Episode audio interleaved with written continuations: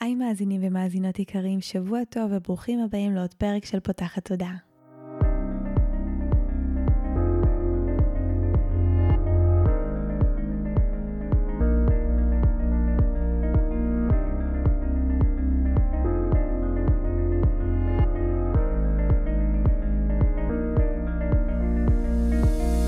הפעם הראשונה שלכם כאן, פותחת הודעה היא תוכנית שנועדה להעביר רעיונות, לאתגר תפיסות קיימות ולפתוח את צורת החשיבה האוטומטית שנהוגה אצל כולנו, לכל מיני כיוונים חדשים במטרה להכניס לחיים שלנו יותר כלילות, שלווה, זרימה, אהבה, קרבה וחופש, גם במערכת היחסים שלנו מול עצמנו וגם במערכות יחסים נוספות. אני ניצן אלפסי, אני המנחה של הפודקאסט הזה ואני מאמנת תודעתית ומלווה תהליכי עצמה אישית בעזרת כלים מעולמות התמודע, האנרגיה והרוח. ובפודקאסט הזה אני גם מראיינת וגם מדברת בעצמי על כל מיני נושאים שמעניינים אותי, מסקרנים אותי, ואני חושבת שהם בעלי ערך וצריכים להגיע גם לאוזניים שלכם. בפרק של היום אירחתי בפעם השנייה את לילה קמחי, שהיא מורה למדיטציית ויפאסנה, מיינדפולנס ודרמה. היא מקימה ומתגוררת בעלי אדמות, שזה מרכז אקולוגי רוחני בעמק האלה, והיא מלמדת בארץ ובעולם. הפרק הקודם שלנו על אה, איך להרפות ולהתחבר לכאן ועכשיו, אה, קיבל הרבה מאוד אה, תגובות ושיתופים ומאוד אהבתם אותו, אז הזמנתי את לילה לשיח נוסף להביא מהחוכמה המרתקת שלה, הפעם על איך להתמודד עם שינוי וחוסר ודאות ואיזה כלים לעולם הזה של הבודהיזם באמת יש לתת לנו כדי להתמודד בתקופות של שינויים. אז אנחנו ממש מקוות שתהנו מהפרק הזה ותתרמו ממנו, וכמובן שאם כך היה, נשמח מאוד שתשתפו אותו ברשתות החברתיות עם אנשים ש... שאתם אוהבים, כל דבר שיאפשר להגיע לאוזניים נוספות, אה, שצריכות גם לשמוע את הידע הזה, שתהיה לכם האזנה נעימה. היי לילה. היי ניצן. אז אה, ברוכה הבאה בפעם השנייה לפודקאסט, ואיזה כיף שאת כאן. תודה, ברוכה נמצאת. גם לי מאוד כיף להיות כאן. איזה כיף. בפעם הקודמת שהיית פה, דיברנו על אה, איך להרפות. ולהיות נוכחים בכאן ועכשיו, זה פרק שבאמת הרבה אנשים מאוד אהבו והתחברו אליו. אה, והנושא שככה חשבנו עליו להיום, אה, שהוא גם נושא כזה אוניברסלי, אני חושבת שהוא גם באיזשהו אופן אה, מתכתב עם ההרפייה והנוכחות בכאן ועכשיו, ואנחנו בטח נמצא גם את נקודות הממשק, זה ההתמודדות עם שינוי, עם תקופות של שינוי, עם חוסר ודאות, שזה משהו שקורה לנו אחת לכמה זמן, לפעמים כי אנחנו בחרנו, לפעמים כי זה משהו שפשוט קרה, לפעמים אנחנו מרגישים שזה אפילו נכפה עלינו.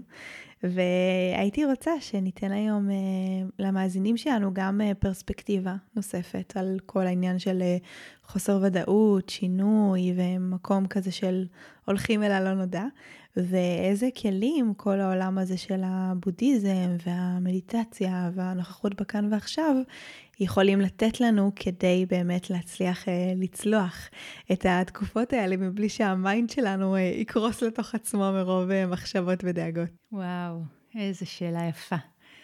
אז בטח, בטח, יש הרבה מה לעשות ויש הרבה כלים ויש הרבה דרכים.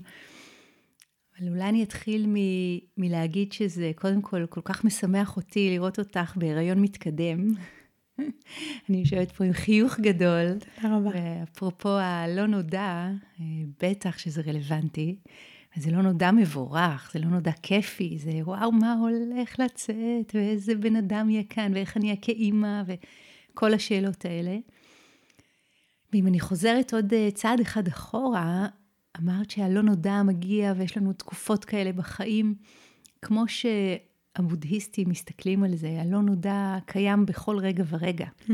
ובעצם, אם היינו יודעות ויודעים את זה, אם הייתה לנו את היכולת להפנים את זה ממש, הרי שהיה לנו הרבה יותר פשוט אחר כך, אם לא נודע שהוא הרבה יותר אה, דרמטי, בוא נגיד ככה. כי באמת, באמת של הדברים, וכולנו יודעים את זה, אין לנו מושג, אין לנו מושג מה יקרה בעוד חמש דקות. יש איזושהי הסתברות סטטיסטית. סביר להניח שאם אנחנו יושבות כאן עכשיו, השיחה הזאת גם תמשיך. אבל מי יודע? אין לדעת דבר כזה, נכון? נכון. אז הבודהיסטים הטיבטים מתרגלים משהו מאוד מעניין. הם אומרים, כשהם קמים בבוקר, חלק מהם, סוג של מחשבה כזאת, כשאני קם עכשיו בבוקר, כשאני יודע ששעת המוות שלי אינה ידועה, זה לא נודע אחד גדול, אבל המוות הוא ודאי, נכון? אם יש משהו שהוא ודאי בחיים האלה, זה המוות. Mm-hmm. כל מה שנולד, בסופו של דבר יתכלה. אנחנו לא יודעים מתי. אז הם שואלים את עצמם, אם אני יודע שהמוות הוא ודאי וששעת המוות, או זמן או מקום המוות לא, לא ידועים לי, מה עליי לעשות? ככה הם מתחילים את היום. איזושהי, איזשהו מינון הומואפטי כזה של חוסר ודאות לתוך המערכת, לא מתוך מקום שרוצה לעורר חרדה, חלילה, נהפוך הוא, מתוך רצון שרוצה לעורר ביטחון, שרוצה לעורר את ה-preciousness, את יקרות הערך הזאת, את העיניים שמתפעלות, את העיניים שאומרות, יש לי עכשיו יום שלם לפניי, שהוא ניתן לי במתנה. שום דבר פה לא מובן מאליו, ואני לא יודעת אפילו אם אני אגיע לסופו. בלי להיות יותר מדי דרמטית, אנחנו הרי יודעים את זה. העיתונים מלאים ב... בסיפורים ותיאורים כאלה, איכשהו לנו נדמה שלנו זה לא יקרה, אבל זה דמיון. אז התרגול מזמין אותנו כן לפתוח את העיניים ולראות שכל רגע מרגעי החיים שלנו הוא באמת מתנה. הוא באמת ניתן לנו כאיזשהו אה, פיקדון יקר ערך לעשות בו את הכי טוב שאנחנו יכולות ויכולים. אז מה, מה אומר לנו אי הוודאות? מה אומר לנו אי הוודאות? הוא לא בהכרח חייב לומר חוסר ביטחון. זה שולח אותנו אולי לשאלה מאוד מעניינת, מה זה ביטחון עבורנו? Hmm. על מה אפשר, אפשר, על מה אפשר לסמוך בעולם שמשתנה תדיר? על מה אפשר לסמוך באמת? כשהמורה שקראו לו אבודה, זה שהתעורר, אחרי הרבה מאוד שנים ש... שהוא לימד, הגיעה שעתו למות, אפילו שהוא היה אבודה, אפילו שהוא היה מואר, כל דבר שנולד מתכלה, כן? זה, זה חוק הטבע, זה חלק מהסיפור המופלא הזה של חיים. המוות הוא לגמרי חלק מהם. המילים האחרונות שהוא אמר, המילים האחרונות שהוא אמר, היו אי לעצמכם. היו אי לעצמכם. המקום שבו מוצא את הביטחון שלו, אבל לא בעצמי המפוברק, לא בעצמי השקרי, לא במי שנדמה לנו שאנחנו, או במי שהיינו רוצים להיות, אלא באיזושהי חוויה הרבה יותר פשוטה, נגישה, וגם מסתורית בו זמנית שלנו, בעולם. על מה באמת אפשר לסמוך?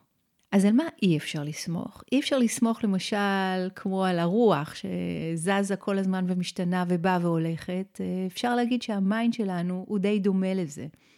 הוא זז ככה לפי כל אה, רוח קלה. פתאום מגיעה מחשבה של אוי ואבוי, שכחתי לכבות את הגז?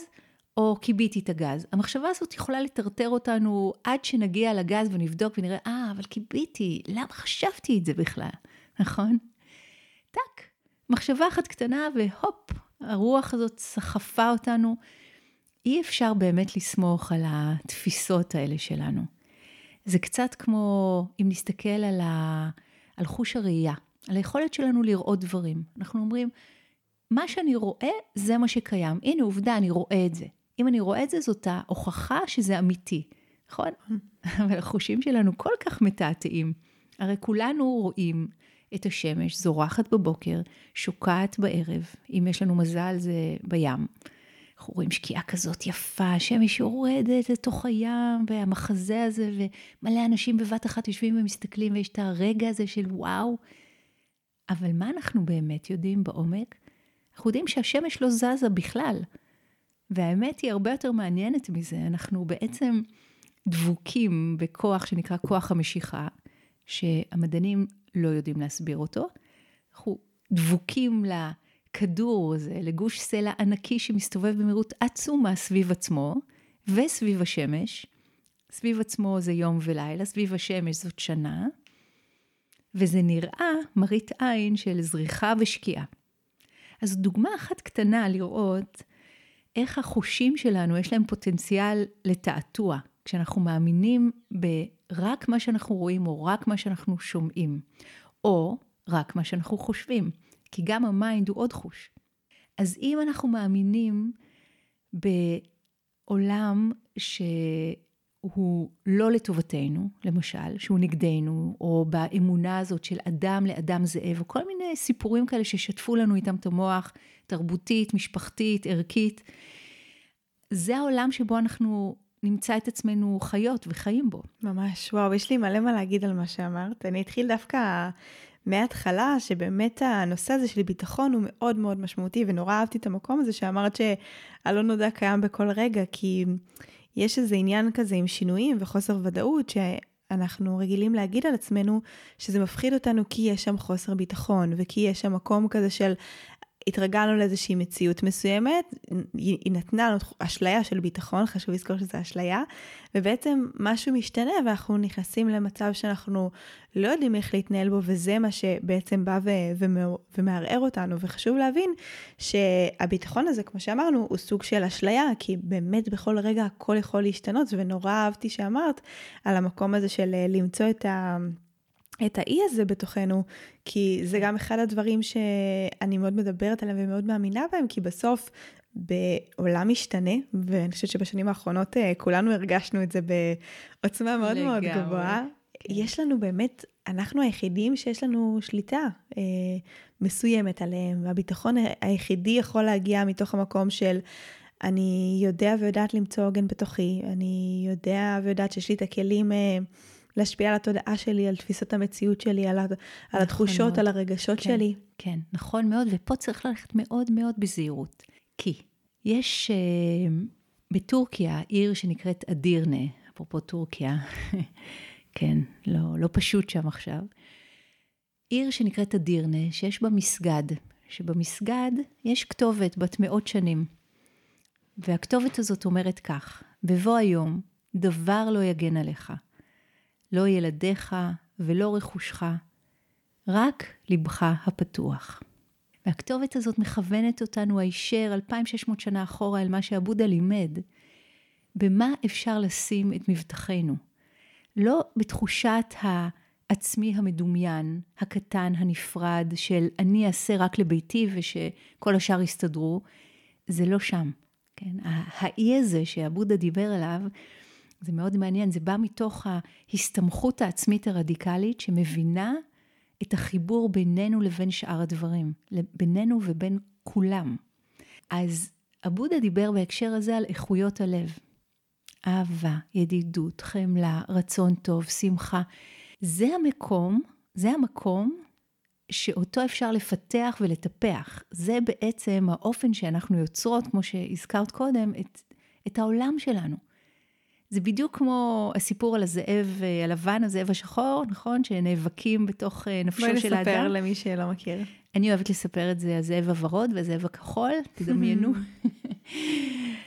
זאב שהוא מיטיב וזאב שהוא, שהוא לא מיטיב, כן? והנכד שואל את הסבא, כאילו, מה, מה קורה שם? מי מנצח? כי הם בכוחות שווים. מי מנצח, סבא? מי מנצח? והסבא אומר לו, זה שאתה מאכיל. Hmm. עכשיו, זה כל כך פשוט, וזה כל כך נכון.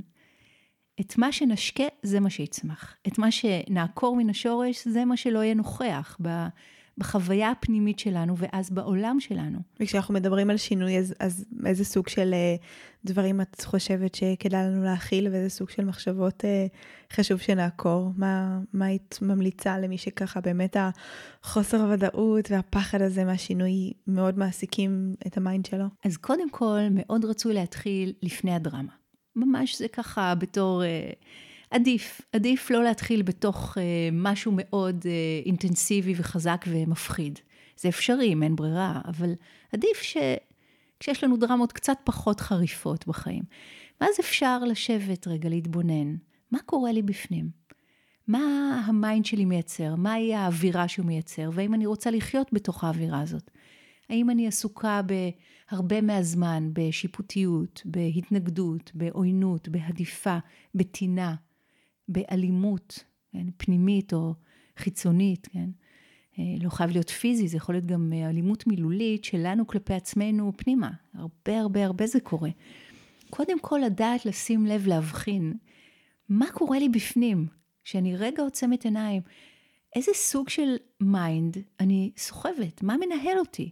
כי ה mind מנהל אותנו כל הזמן, הוא מספר לנו שהמחשבות שלנו הן האמת, למשל. הוא מספר לנו ש... מה שהוא תופס זאת האמת. ומשהו באופן של התרגול של המדיטציה יכול לפתוח דרגות חופש בינינו ובין המחשבות שלנו. היכולת שלנו למשל לראות שמחשבה היא רק מחשבה, כבר משחררת אותנו טיפין טיפין מהאחיזה המאוד נחרצת שלה. אני האמת ותאמיני בי. ומה אנחנו יכולים לעשות אם באמת, אה, רגע, נניח מאזינים לנו אנשים שהם עוד לא מתורגלים במדיטציה או במציאת המרווח הזה, יש לפעמים פחד בלשמוע מה קורה בתוכי, כי גם ככה אנחנו רק מנסים אה, להשתיק את זה, אז לשבת ועכשיו כן. לשמוע את כל התסריטים ואת כל הפחדים של ה mind ואת כן. כל המחשבות, בטח. איך היית כן. ממליצה לגשת לזה, והאם יש עוד דרך חוץ ממדיטציה? בעינייך? בטוח יש מלא דרכים. אני מכירה את המדיטציה לעומק, אז לכן זה מה שאני מלמדת. הייתי ממליצה לגשת לזה מאוד בעדינות ועם חיוך גדול. זה לא באמת שאנחנו הולכים לקראת איזה סרט אימה. את יודעת, כל מיני דברים יכולים לרוץ ב mind שלנו, לא רק הדברים הקשים. אבל הייתי אומרת ככלל אצבע, קודם כל להתארגן בגוף. לשים לב מה קורה לי בגוף עכשיו, מה שלום הבטן, מה שלום הלב, איך הנשימה מתבטאת בגוף. זה כבר לוקח את ה mind שלנו למקום אחר, ואיפה שתשומת הלב שלנו נמצאת, שם אנחנו נמצאים. אז הרבה פעמים, כדי להישלף מתוך איזושהי דרמה נורא נורא כואבת שנמצאת רובה ככולה בתוך התודעה שלנו, עדיף ללכת לגוף. מה קורה בכפות הידיים? התחושה של כל הגוף יושב ונח ונושם. אפילו לכמה רגעים, כל פעם תרגול כזה מגדיל את המרווח בתוכנו. ואחר כך, לאט לאט אפשר להסתכל ולראות, וואו, עולה בי המחשבה הזאת, היא מחשבה לא מיטיבה. נגיד מחשבה שיש בה הרבה שיפוט אה, כלפי עצמנו. אני לא מספיק טובה, אני יותר מדי, אנשים סוחבים כל מיני, כל מיני סרטים רעים על עצמם. רגע אחד לעצור ולהגיד, האם זאת האמת? האם בוודאות, בוודאות אני יכולה לדעת שזאת האמת. מה יכול לקרות, איך אני ארגיש, אם לרגע אחד אני לא אחשוב את המחשבה הזאת בכלל.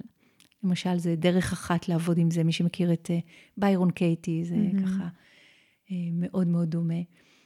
דרך אחרת זה לראות את המחשבה כמחשבה. פשוט לשים איזשהו סימן שאלה מאחוריה לא להתייחס אליה יותר מדי, לא לתת לה יותר מדי משקל, לחזור לגוף, לחזור לנשימה.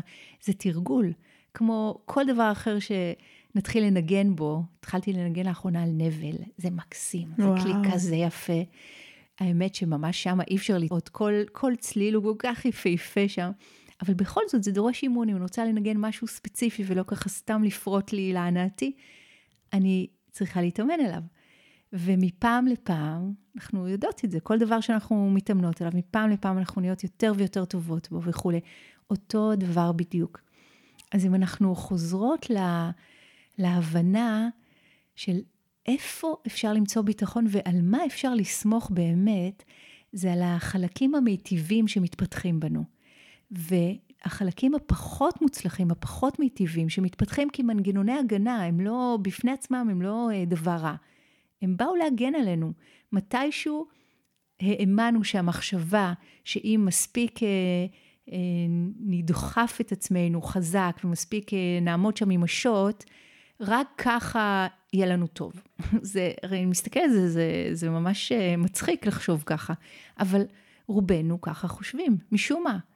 משום מה, משהו בתרבות, הרי תרבות מייצרת מוח, אה, היום hmm. במחקרי המוח העדכניים על זה מדברים. משהו בתרבות דוחף את רוב האנשים למחשבות הלא מיטיבות האלה. החדשות הטובות הן שאפשר די בקלות להפוך את התמונה הזאת. אני רוצה גם להגיד, אה, בהמשך למה שאמרת קודם, שאחד הכלים שלי לפחות עוזרים לעשות פניית ההפרדה בין המחשבות שלי לבין רגע המציאות, אה, זה באמת כתיבה. דיברתי על זה בהמון המון פרקים, ש... לי קצת יותר קשה לפעמים לשבת במדיטציה, אה, המוח שלי עובד בקצבים מאוד מאוד גבוהים, ומשהו שהרבה פעמים תומך בי במקומות האלה זה לשבת ולכתוב, כי יש משהו שכשאני כותבת את זה, מורידה את זה על הכתב, אני מסתכלת על זה מהצד, אני פתאום יכולה גם שנייה להטיל בזה ספק ולהגיד, וואי, רגע, mm. תראי כמה דרמה נהדר. יש פה, תראי איזה מילה שיש בה המון אה, שיפוטיות והמון אה, פרשנות שלך על המציאות. זה עוזר לי לזהות כל מיני אמונות מגבילות שחיות בתוכי. נהדר, כן. ואני חושבת שזה ממש זה, כי בסוף כשאני באה ואני מסתכלת על מה שיוצא על הדף, אני יכולה להבין דרך איזה משקפיים אני כרגע מתבוננת על המציאות, ואם אני באמת רוצה שאלה יהיו המשקפיים, אם יש דרכים נוספות, אני יכולה יותר להטיל בזה ספק, ואני חושבת שזה סופר חשוב. לגמרי, ובדיוק מה שאת מתארת זאת, האוטונומיה הזאת שאני, שאני מכוונת אליה. זה מעניין, זה קצת uh, טיפונת על רגל אחת, אבל אני אגיד בכל זאת שה... האופן שאנחנו מתרגלות מדיטציה, זה כן, בהתחלה יש המון המון המון סערה ב mind, במיוחד אם אה, ככה יש לנו mind יצירתי ואיזה יופי. הכוונה היא לא לאלף את זה. הכוונה היא לא להנמיך את הלהבות האלה, אלא דווקא להגדיל את המיכל. דווקא לתת לזה, אה, הדימוי שהבודהה השתמש בו לפני 2,600 שנה, תדמיינו איזה חיית פרא שצריכה לרוץ וזה, אנחנו לא נרצה לקשור אותה, והיא מסכנה, כל האנרגיה שלה היא פשוט תעמוד והיא תכלה אותה בתוך עצמה, אלא להפך, לתת לה מרחב מאוד גדול לרוץ בו, מתישהו שהיא תפרק את האנרגיה שלה, היא תתעייף והיא תבוא אלינו. Mm. אז זאת הכוונה, ללמוד להגדיל את המיכל. וכשאנחנו מגדילות או מגדילים את המיכל, אז כל מיני דברים שקורים לנו, אוקיי, הם לא מאוד נעימים לפעמים, כן? אבל הם לא יטלטלו אותנו עד כדי כך. זאת האיכות שמתפתחת בנו של איזון פנימי עמוק. זה לא שאנחנו הופכות להיות אדישות, זה הלב ממשיך להיות חם ורוגש, אבל החיים לא מטלטלים אותנו עד כדי כך. אני אתן לך דוגמה. כשבאתי עכשיו אלייך לכאן, אה, ברמזור, הייתי צריכה רגע להסתכל, לראות שאני בכיוון הנכון. אוקיי, okay, אולי זה לא הדבר הכי אה, נכון לעשות, אה, ברמזור להסתכל רגע על הטלפון, אבל בכל זאת הסתכלתי. לראות שאני לא, לא לוקחת את הפנייה הלא נכונה, ומאחוריי התקרבה אליי מכונית מאוד גדולה, שמאוד מאוד נצמדה אליי. ואיך שהרמזור התחלף, הוא התחיל לצפצף, אני אומרת הוא, כי אחר כך ראיתי שזה הנהג, הוא התחיל לצפצף מאוד מאוד חזק, שאני אסע כבר הרבה יותר מהר. אז ברגע הראשון ראיתי איך אני, איך עוברת בי מחשבה של וואו, איזה חוסר סבלנות. וברגע הבא, המחשבה הבאה הייתה, מה אני יודעת על מה מניע את הבן אדם? למה עכשיו הוא כל כך חסר סבלנות? וכשהוא נסע, ככה הוא לקח פנייה ימינה ויכולתי לראות, זו הייתה בעצם מונית גדולה. המחשבה הבאה שלי הייתה, וואו, אולי הוא מאוד מיהר, אולי מישהו מחכה לו. זאת אומרת, המקומות האלה של השיפוטיות זה מקומות שבדרך כלל רואים רק מתוך הפריזמה של הסלף הקטן. הוא צפצף לי, הוא לא בסדר, אני כן בסדר. זהו, העולם נהיה נורא צר. Hmm. ומשהו בנו, כשאנחנו מצליחות, וזה קורה דרך התרגול מעצמו, כן, המחשבות האלה מעצמן קרו, זה לא שאמרתי, עכשיו אני אחשוב מחשבה מיטיבה, אלא זה קרה באופן טבעי, באופן אורגני, זה כשהלב יותר פתוח כן, לעולם. זאת אומרת, זה לא רק אני ושלי, אלא, וואו, יש פה עוד מישהו מעניין, אולי אם הייתי בנעליים שלו הייתי מתנהגת בדיוק אותו דבר, מקווה שלא, אבל היו לו סיבות טובות לעשות את, לעשות את מה שהוא עשה, להתנהג איך שהוא התנהג, וזה לא חייב לפגום ב-well-being שלי אם אני, אם אני שמה על זה את, תשומת הלב שלי. מעולה. יש לי עוד שאלה שעולה מתוך זה. אם נניח כבר באנו וזיהינו שזה מחשבות של ה mind, זה עדיין לא מונע מאיתנו לחשוב אותם וליפול עליהם שוב ושוב ושוב. נגיד, דיברת על, ה, על השינוי, ונתת כדוגמה באמת את השינוי שאני הולכת לקראתו, אז המון פעמים אני באמת אה, יושבת ואני כותבת ואני מזהה כל מיני מחשבות ופחדים ודברים שיש לי. ביחס לשינוי הזה, וזה, וזה גם לפעמים עוד יותר קשה, כי לפעמים קשה לנו עם שינויים שאנחנו בחרנו, כי זה מין כזה טוב, אבל את רצית את זה, כאילו, התפללת כן. לזה, ביקשת את זה, ייחדת כן, לזה, כן. חיכית לזה, זה שינוי, זה משהו שהוא טוב, יש לנו שינויים שהם גם טובים, אבל אנחנו עדיין יכולים לחשוש, כי יש, יש אלמנט של אי ודאות. אז מה היית ממליצה אה, לעשות במקום הזה של, אוקיי, אני, אנחנו כבר מזהים את המחשבות שלנו, אנחנו מזהים שזה פחדים של ה mind, אבל גם אחרי שייצרנו את המרווח הזה, זה עדיין בא, חוזר, מפעיל רגשות, מייצר בתוכנו תנועות, איך אנחנו יכולים עוד לעבוד עם זה? אז אני חושבת שיש פה כמה, כמה אספקטים אה, לתת עליהם את הדעת, שקודם כל, הכאב הוא בלתי נמנע. מתישהו יכאב לנו. מתישהו יכאב לנו. הגוף יכאב לנו, הלב יכאב לנו. אני מקווה, בשביל כל מי ששומע אותנו, ש... הם לפחות פעם אחת בחיים חוו לב שבור. כי לב שבור, ואני אומרת את זה מניסיון, לב שבור יכול להיות אה, אחד הדברים הכי אה, משחררים אותנו אה, לחיבור עמוק יותר עם אנשים אחרים, לענווה, לפתיחה של לב לכיוון המיטיב. הגוף, מתי שהוא נפצע, מתי שהוא חולה. זאת אומרת, אנחנו חיים בעולם כזה. אה, אנשים, אגב, שלא חווים כאב, יש אה, אה, אחוזים מאוד מאוד נדירים בעולם, זה סוג של לקות כזאת, גנטית, אנשים שלא חווים כאב, תוחלת החיים שלהם מאוד מאוד קצרה, בין 7 ל-8 שנים. וואו. כן. אנחנו חייבים את הכאב בשביל להמשיך לחיות. זה נורא מעניין להסתכל על הכאב כעל ידיד, לא כעל אויב. עכשיו, הכאב הוא בלתי נמנע. הסבל הוא לא הכרחי. מה זה הסבל? כל המאורעות מסדר שני. עולה מחשבה ראשונה, למשל, וואי, אני עכשיו שם את עצמי בנעליים שלך, רגע, הולכת להיות אימא צעירה, אני רציתי את זה, אבל וואי, וואי, וואי, מה, מה קורה עכשיו? אני, אני מדמיינת, זה מאוד יכול להיות שזה לא המחשבות שלך, אבל מה עם החופש שלי? מה עם האוטונומיה שלי? מה עם שעות השינה שלי? לגמרי, ממש ככה בין היתר. מה חשבתי לעצמי? כזה. מה עם העסק שלי? מה עם העסק כן. שלי? מה עם הכל ביחד? ומצד שני, מה פתאום, אני רציתי את זה, איזה דבר משמח זה, ואז עולה השמחה גם שקשורה לזה, ואנחנו יכולות למצוא את עצמנו קצת במין פינג פונג כזה. אני רוצה לעשות מקום למחשבות הראשוניות האלה. הם כמו ה... הבלתי נמנע, הדבר הראשון הזה שעולה, שאומר, רגע, רגע, יש פה שינוי מאוד גדול, והמערכת מגיבה במין קיבוץ ודחייה, שזה דבר מאוד מאוד טבעי. השנייה הבאה, מה קורה אחר כך, זה כבר בידיים שלנו. זאת אומרת, אפשר לראות את המקום הזה שאומר, וואי, וואי, וואי, וואי, איזה פחד. לנשום, לתת לפחד להיות שם. לא, לא לפחד מהפחד ולא להילחם בפחד, אלא לקרוא לילד בשמו, וואלה, עולה בי עכשיו חרדה, עולה בי עכשיו פחד. האם אני יכולה להישאר ממש לפעמים זה על חוד התער, בלי ללכת למחשבה הבאה, בלי ללכת למחשבת אשמה, או למחשבת בושה, או למחשבת כעס, או מה שזה לא יהיה, שהם כמו קוסם שמוציא מתוך הכובע עוד מטפחת ועוד, מטפחת ועוד, מטפחת. שנייה, בוא נשאר במטפחת הראשונה. יש פה מחשבה, אני רוצה לכבד אותה, אני רוצה לעשות לה מקום, אני רוצה לחקור אותה. מה היא באמת אומרת לי? לאן היא מכוונת אותי?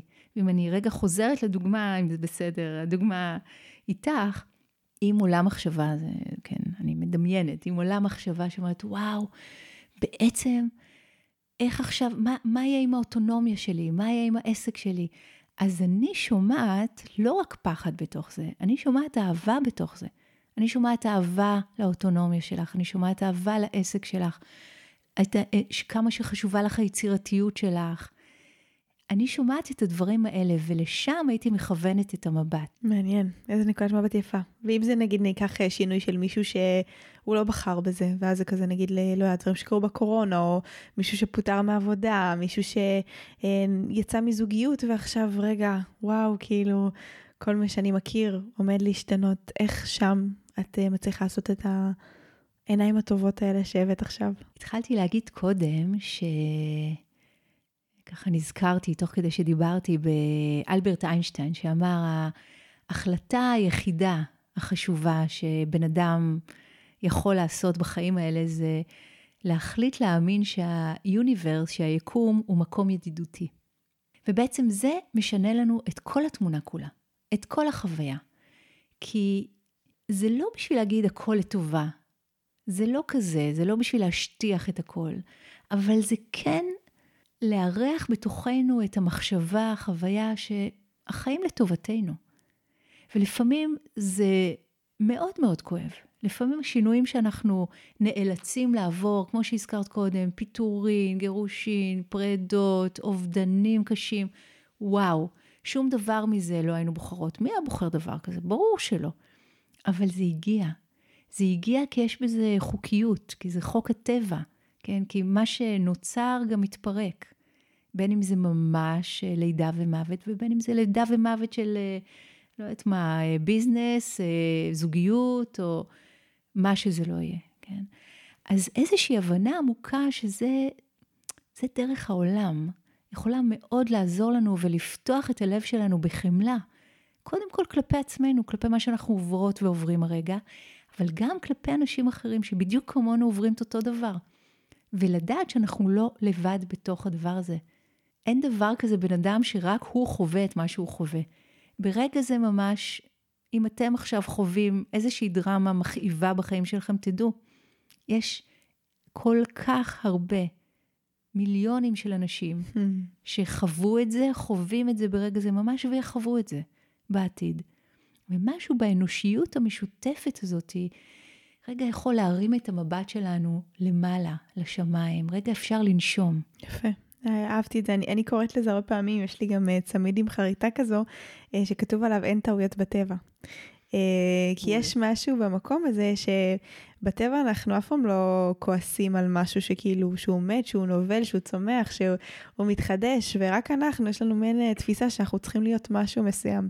נכון. וכמו שבטבע אין טעויות, אנחנו גם יציר של הטבע. בול, בדיוק, ומאוד דייקת שאמרת, יש לנו תפיסה כזאת, כי זה בדיוק זה, תרתי משמע.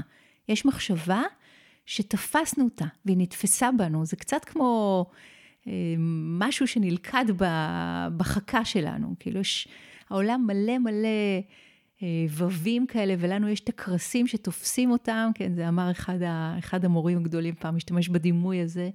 מורה הודי בשם ניסר גדת המהראז', יש לו שם גדול, היה מורה של המורה שלי, אמר, העולם מלא מלא ווים ולכם יש קרסים. תיישרו את הקרסים, ודבר לא יעמוד בדרככם. והרבה פעמים הקרסים האלה שלנו, זה התפיסות שלנו, הרעיונות שלנו, העמדות שלנו, הדעות שלנו, המחשבות שלנו.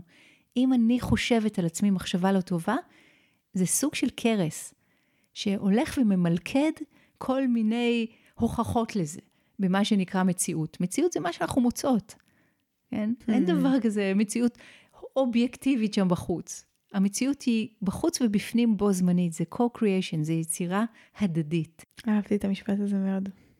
מציאות זה מה שאנחנו מוצאים ומוצאות. אז בואי נחזור רגע באמת לאי הזה, דיברנו על זה שמדיטציה יכולה לעזור לנו ולהבין את האהבה שיש במחשבות שלנו ושאולי זה אפילו מראה על איזה ערכים או דברים שחשובים לנו. מה עוד יכול, אה, אני כאילו כשכתבתי את הנקודות אז קראתי לזה איך לייצר איזשהו עוגן וביטחון בתוך האי ודאות. אה, אז בשפה שאת הבאת, איך אנחנו עוד יכולים לייצר את האי הזה בתוכנו? כן. למשל, להבין את החוקיות שיש בדבר הזה שקרוי חיים. הכל משתנה. הדבר היחיד שהוא מתמיד זה השינוי. וכשאנחנו באמת באמת לעומק מבינים את זה, הרי שהשינויים שמגיעים לא כל כך יפתיעו אותנו. יש איזה מורה טיבטי שאמר פעם, אם תצפי שבחייך יהיו עליות ומורדות, תודעתך תהיה הרבה יותר שלווה. כי הרי מה קורה לנו? זה נורא מפתיע אותנו. למה זה כל כך מפתיע אותנו, השינויים? כי משהו בנו תפס, האמין, באיזשהו רעיון שאומר, זה לא אמור להשתנות. זה, אני לא רוצה שזה ישתנה, וזה שזה משתנה זה טעות. אז זה קצת אה, משהו תרבותי, כמו שתופסים בתרבות שלנו אה, לידה, וכמו שתופסים בתרבות שלנו מוות, כדברים שאמורים להיות למשל בתוך בית חולים. למה? למה? בתרבויות אחרות, גם הלידה וגם המוות זה חלק מהסיפור, זה חלק מהחיים. זה לא איזה אה, משהו שמצריך אה, התגייסות, אה, כאילו זה משהו להילחם בו ומשהו לנצח בו ומשהו להיזהר ממנו. זה מתחיל כבר בתפיסה הזאת, ו- וחשוב לדעת, כן, חלק מהתפיסות, חלק גדול מהתפיסות ש- שאנחנו מאמינות בהן ותופסות דרכן את העולם, תפיסות אה, שהוקנו לנו על ידי התרבות. אז במה אנחנו יכולים לשים את מבטחנו בעולם שמשתנה תדיר? קודם כל לדעת שהוא משתנה כל הזמן. העולם בחוץ והעולם בפנים.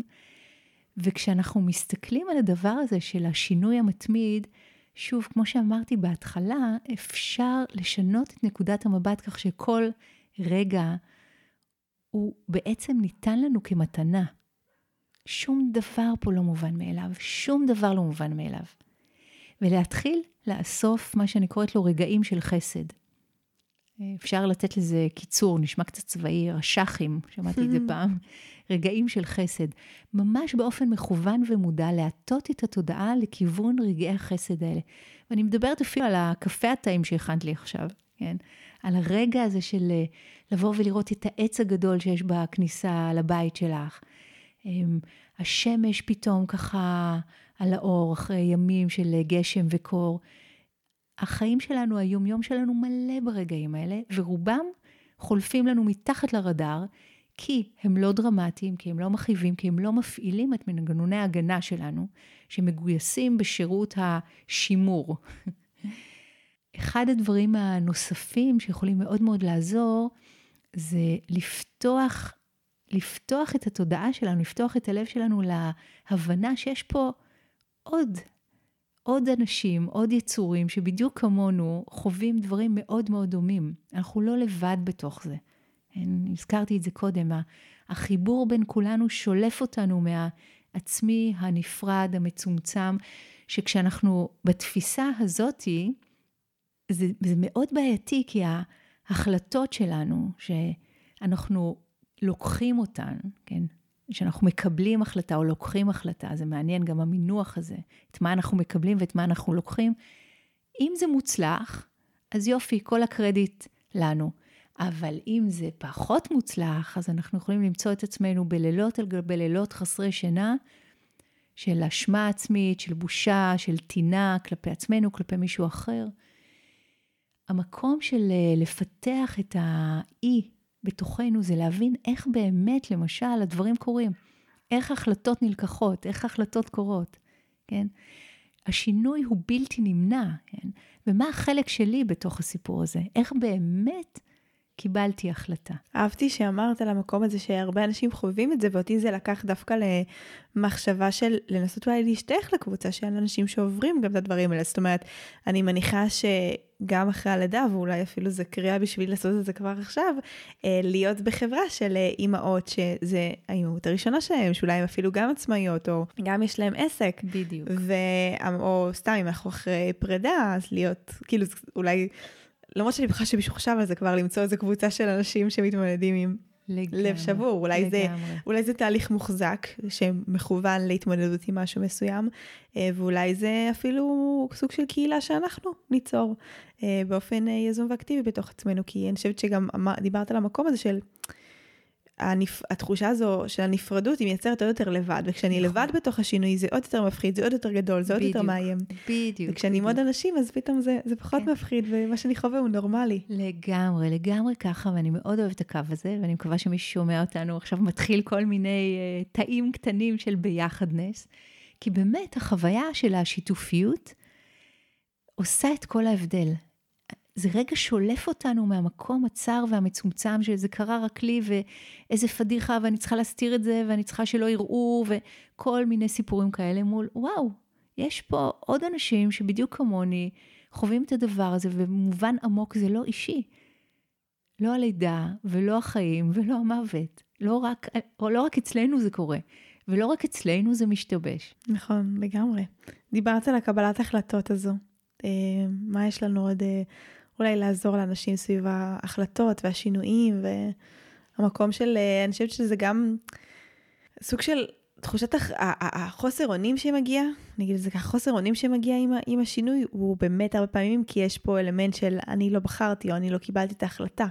אה, ואולי יש אה, מין מקום כזה גם לראות איך אנחנו משיגים את הריבונות הזו שדיברת עליה קודם והאוטונומיה הזו גם בתוך דברים שנראה לנו שלא אנחנו בחרנו. אני מאוד אוהבת את המילה הזאת, ריבונות. וואו, זה נושא מאוד מאוד גדול, שבחוויה שלי הוא משנה לחלוטין את תפיסת העולם שלנו מתפיסת עולם צרה ומצומצמת ומכאיבה, לפתוחה ומקבלת וגמישה. צריך פה לבדוק בזהירות ובאומץ איך באמת התקבלו ההחלטות הגדולות והקטנות שקיבלנו בחיים שלנו. קודם כל המינוח של לקבל החלטה. הוא מאוד מדויק. מסתבר, מחקרי מוח מראים שהחלטה קורית במוח כמה זמן איזשהו חלק של שנייה קורית לפני שאנחנו קופצים ולוקחים עליה בעלות ואומרים, אני החלטתי אותה. זה מדהים להבין את הדבר הזה. זאת אומרת, ההחלטה כבר כאן, hmm. ואנחנו בעצם צריכות לקבל אותה, זה הכל, hmm. זה הסיפור. אז איך היא התקבלה? איך בעצם היא הגיעה לפתחנו? יש אין ספור סיבות, נעים ונסיבות, זה אחד ההסברים הבודהיסטיים, שמסבירים אגב קרמה, אין ספור סיבות, נעים ונסיבות, למה דבר אחד קורה ולא דבר אחר. בואי נסתכל על הילד המתוק שמתבשל לך בבטן. הסיכוי שדווקא הוא יהיה שם, כן? עם כל אין ספור ה... כן, ה... הסטטיסטיקות סביב הדבר הזה, שדווקא הביצית הזאת והגנטיקה המסוימת הזאת, אי אפשר לכוון לדבר כזה מופלא. זה הרי פלא, כל הדבר הזה. וכל דבר כזה בעולם שלנו הוא ביטוי של הפלא הזה. אז כשאנחנו עומדים מול הסיוט, לפעמים בשביל חלק מהאנשים סיוט ממש גדול של חרטה על החלטות שהתקבלו בעבר, או חשש גדול מפני החלטות שאנחנו צריכים לקבל, אז אחד הדברים שיכולים להנחות אותנו זה להבין שכל העולם כולו משתתף בהחלטה אחת קטנה.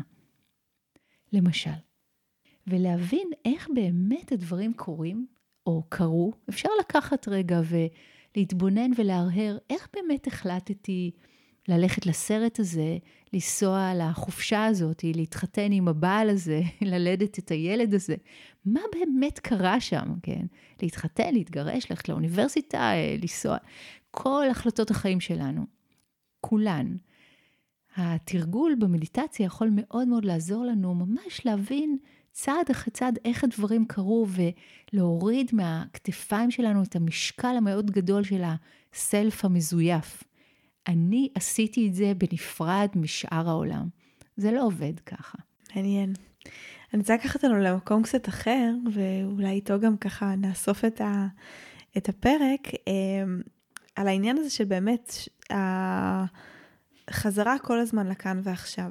זאת אומרת, אני חושבת שהרבה מהפחד שלנו של אה, שינויים ואי ודאות נובע באמת מה, מהעיסוק המיותר שגם פתחנו איתו במוח ונזכרתי כן. בזה כי ממש אתמול בלילה היה איזה רגע כזה שאחרי שחזרתי מה, מהפיפי של אמצע הלילה, כי זהו, כבר אה, לוחצים לי שם על, על העניינים, אז כאילו היה איזה רגע שהראש שלי התחיל לרוץ עוד פעם על ה...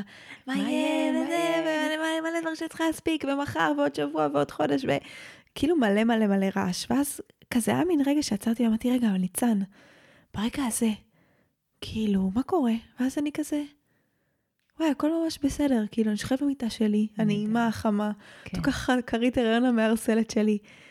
בן הזוג שלי לידי, כלבה שלנו שוכבת לידינו על הרצפה. יש לי תינוק בבטן, הכל ממש ממש בסדר. איזה יופי. והיה מין כזה, אני גם מאוד עובדת על זה, כי בסוף זה כבר, אומרים לך מההתחלה שהם הרי מרגישים את הכל, אבל עכשיו כשהוא גם פיזית זז, אני כל הזמן חושבת על זה שהוא מרגיש הכל, אז אני אומרת, יש לי אחריות כפולה להירגע ולא להכניס את הגוף שלי לסטרס, כן, אה, כי הוא כן. מרגיש. אז אני חושבת שהייתי רוצה שגם ניתן לזה משהו שקשור באמת לחזרה הזו לכאן ועכשיו, ולאיך אנחנו חוזרים לזה שבסוף, ברגע הזה, עם כל המורכבות שלו, הכל ממש ממש בסדר. יופי, אך איזה תענוג לשמוע אותך. בדיוק בדיוק ככה. כשאנחנו במיינדפולנס, כשאנחנו בכאן ובעכשיו, זה בעצם כמו מקצץ את הראש של העבר, מקצץ את הראש של העתיד. הזמנים המדומיינים האלה לא קיימים. הם לא קיימים, הרי קיימים רק בדמיון שלנו. העבר עבר כבר, אין, אי אפשר לחזור אחורה ולעשות שם שום דבר. העתיד הוא ספקולציה לחלוטין. הזמן היחיד והמקום היחיד שקיימים באמת של הדברים, כאן, עכשיו, ובכל רגע, בכל רגע שאנחנו חוזרות עם ה mind שלנו לכאן ולעכשיו, הרגע הזה הוא מאוד מאוד משמעותי, כי הוא ממש מפסיק את המומנטום הלא מיטיב של מה היה ומה יהיה. והזכרתי את התרגולים הטיבטיים בתחילת הדברים שלי. יש אה, אחד, ה, אחד המשפטים שאני זוכרת עד היום, שמתרגלים גם בזן, הם שואלים את עצמם, האמת, באמת, האם משהו חסר עכשיו? באמת באמת, האם משהו חסר עכשיו? truly, is anything missing now? יש עם יד על הלב, האם משהו חסר עכשיו? ולא לעצור בתשובות ה...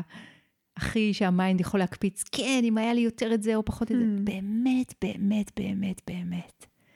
ולרגע אחד אנחנו נמצאים באמת בסוג של גן עדן. לא משנה מה הסיטואציה, הסוג של אובייקטיבית כביכול במרכאות בחוץ, אלא באמת, באמת.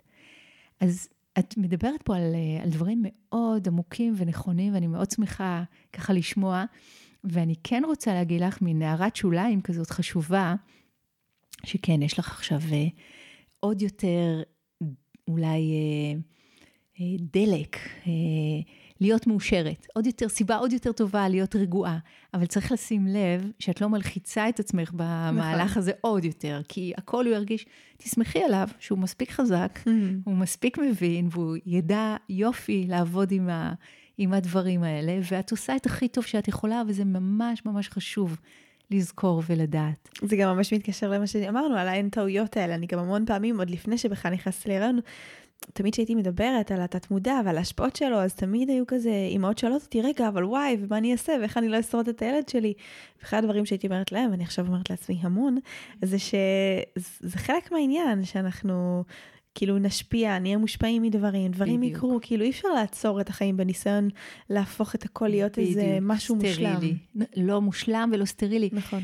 הלן קלר, שהיא הייתה דמות אה, מופת, היא ב, ב, בתור ילדה ממש צעירה, היא חלתה ובעצם היא הפכה להיות חירשת, עיוורת, אילמת, משהו מאוד מאוד קשה, החושים האלה נשללו ממנה. היא הייתה אישה מדהימה, ממש אה, אה, אשת רוח ועוצמה יוצאת מן הכלל. והיא אמרה על זה, היא אמרה, ביטחון בעיקרון, ביטחון הוא, הוא סוג של דעה קדומה, הוא לא קיים בטבע, היא אמרה, ילדים בכלל לא מרגישים אותו באופן שאתם חושבים. החיים הם הרפתקה נועזת או שום דבר. Life is a daring adventure or nothing at all. אישה כמוה, כן, עם, עם נכויות כל כך קשות, שיכלה לתפוס את החיים ככה, זה, זה דבר מאוד גדול לדעת, ונותן הרבה מאוד השראה. ואחד מהדברים ש, שיכולים לקרות לנו, האי הזה אה, בתוכנו, זה להתחיל להפריד בין הקולות שהן, שהם לא מיטיבים איתנו, הקולות שמגיעים מבחוץ, הקולות של ההשפעות התרבותיות, איך שגדלנו, מה ש, איך שהמוח שלנו נבנה לפי כל מיני אמונות ותפיסות שהאמנו בהם, ויותר ויותר למצוא את הקול הפנימי שלנו. את הקול האותנטי שלנו, את הקול שמתוכו אנחנו יכולים לחוות ולתפוס ולחיות חיים שהם הרבה יותר שלמים ומאושרים. אני רוצה לקרוא על איזה שיר שתרגמתי, של אה, משוררת אמריקאית בשם אה, מרי אוליבר. שיר שנקרא המסע. יום אחד סוף סוף ידעת מה עלייך לעשות, והתחלת. למרות שהקולות מסביבך המשיכו לצעוק את עצותיהן הרעות, למרות שכל הבית התחיל לרעוד ולשקשק, ואת חשת את המשיכה המוכרת בקרסולייך. תקני את חיי, צעק קול קול, אך את לא עצרת. ידעת מה עלייך לעשות. למרות שהרוח חיטטה באצבעותיה הנוקשות ביסודות עצמה ממש.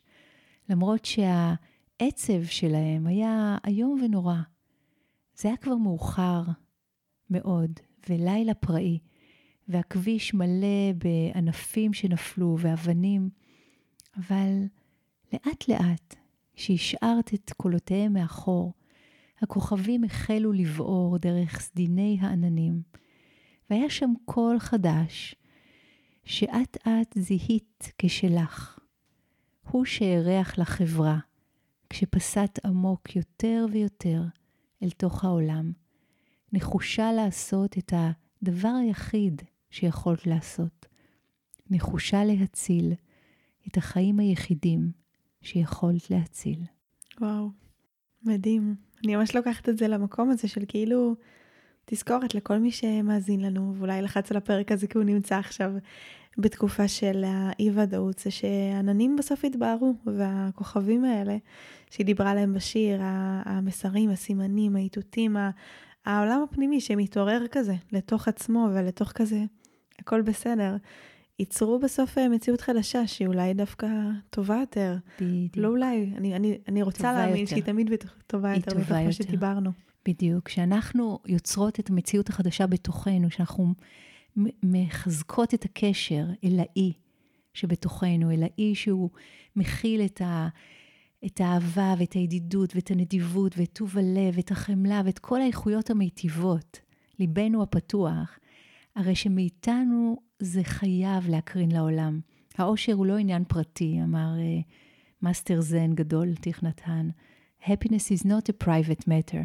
וכשאנחנו עובדות על התודעה שלנו באופן הזה, אפילו כמה דקות ביום, לדעת להפריד מחשבה לא מיטיבה, לא להזין אותה, להזין את המחשבות שכן מיטיבות, לה, להטות את התודעה לכיוון המיטיב, לאסוף רגעי חסד, כל הדברים שדיברנו עליהם עכשיו, להציל את החיים היחידים שאנחנו יכולות להציל, שזה אנחנו עצמנו, מאיתנו זה חייב להגיע גם לעולם בחוץ. ככה זה קורה. מדהים. נראה לי שלא יכולנו אה, לסיים את זה טוב יותר. תודה רבה, לילה. תודה, יקירתי. בהצלחה בלידה. תודה רבה. אז אם אנחנו רוצים לסכם את הפרק הנפלא הזה עם לילה, הנה כמה דברים שאפשר לקחת ממנו. אז דיברנו על זה שהלא נודע קיים בכל רגע, אין לנו באמת מושג מה יקרה, והאי ודאות היא בעצם המצב שנמצא פה כל הזמן, גם כשנדמה לנו שלא. אה, דיברנו על השאלה הפותחת הודעה שאם אני יודע שהמוות ודאי והזמן לא ידוע, מה עליי לעשות עכשיו? דיברנו על לשאול את עצמנו מה זה ביטחון עבורנו, שהרי הפחד הזה מהתמודדות עם שינוי וחוסר ודאות מגיע מתוך הצורך שלנו בביטחון, אז לשאול מה זה ביטחון עבורי, ולדאוג להיות האי הזה בתוך עצמנו, להיות האי הזה עבור עצמנו. דיברנו על זה שאם יש לנו אפשרות להתחיל אה, עוד אה, לפני שהדרמה קורית, מהשינוי, מהאי ודאות, ולשאול מה קורה לי בפנים, באווירה הזו שהמיינד שלי מייצר, והאם נעים לי עם זה, מה קורה לי בגוף, מה קורה לי בנשימה, ולגבי השאלות והרעשים והקולות שאנחנו מזהים בתוך עצמנו, לשאול האם זאת האמת? האם אני יודע ויודעת בוודאות שזאת האמת? ואיך הייתי מרגיש או מרגישה אם היינו לא חושבים את המחשבה הזו? איך היינו בלעדיה? דיברנו על זה שההחלטה הכי טובה שאדם יכול לעשות זה להאמין שהיקום הוא מקום ידידותי עבורו, ומתוך זה החיים בעצם מטיבים איתנו, וגם חוסר הוודאות והשינוי וכל מה שקורה הוא בסוף לטובתנו. לראות את האהבה שבמחשבות שלנו, איך הן אה, מבטאות את הערכים ואת מה שבאמת חשוב לנו.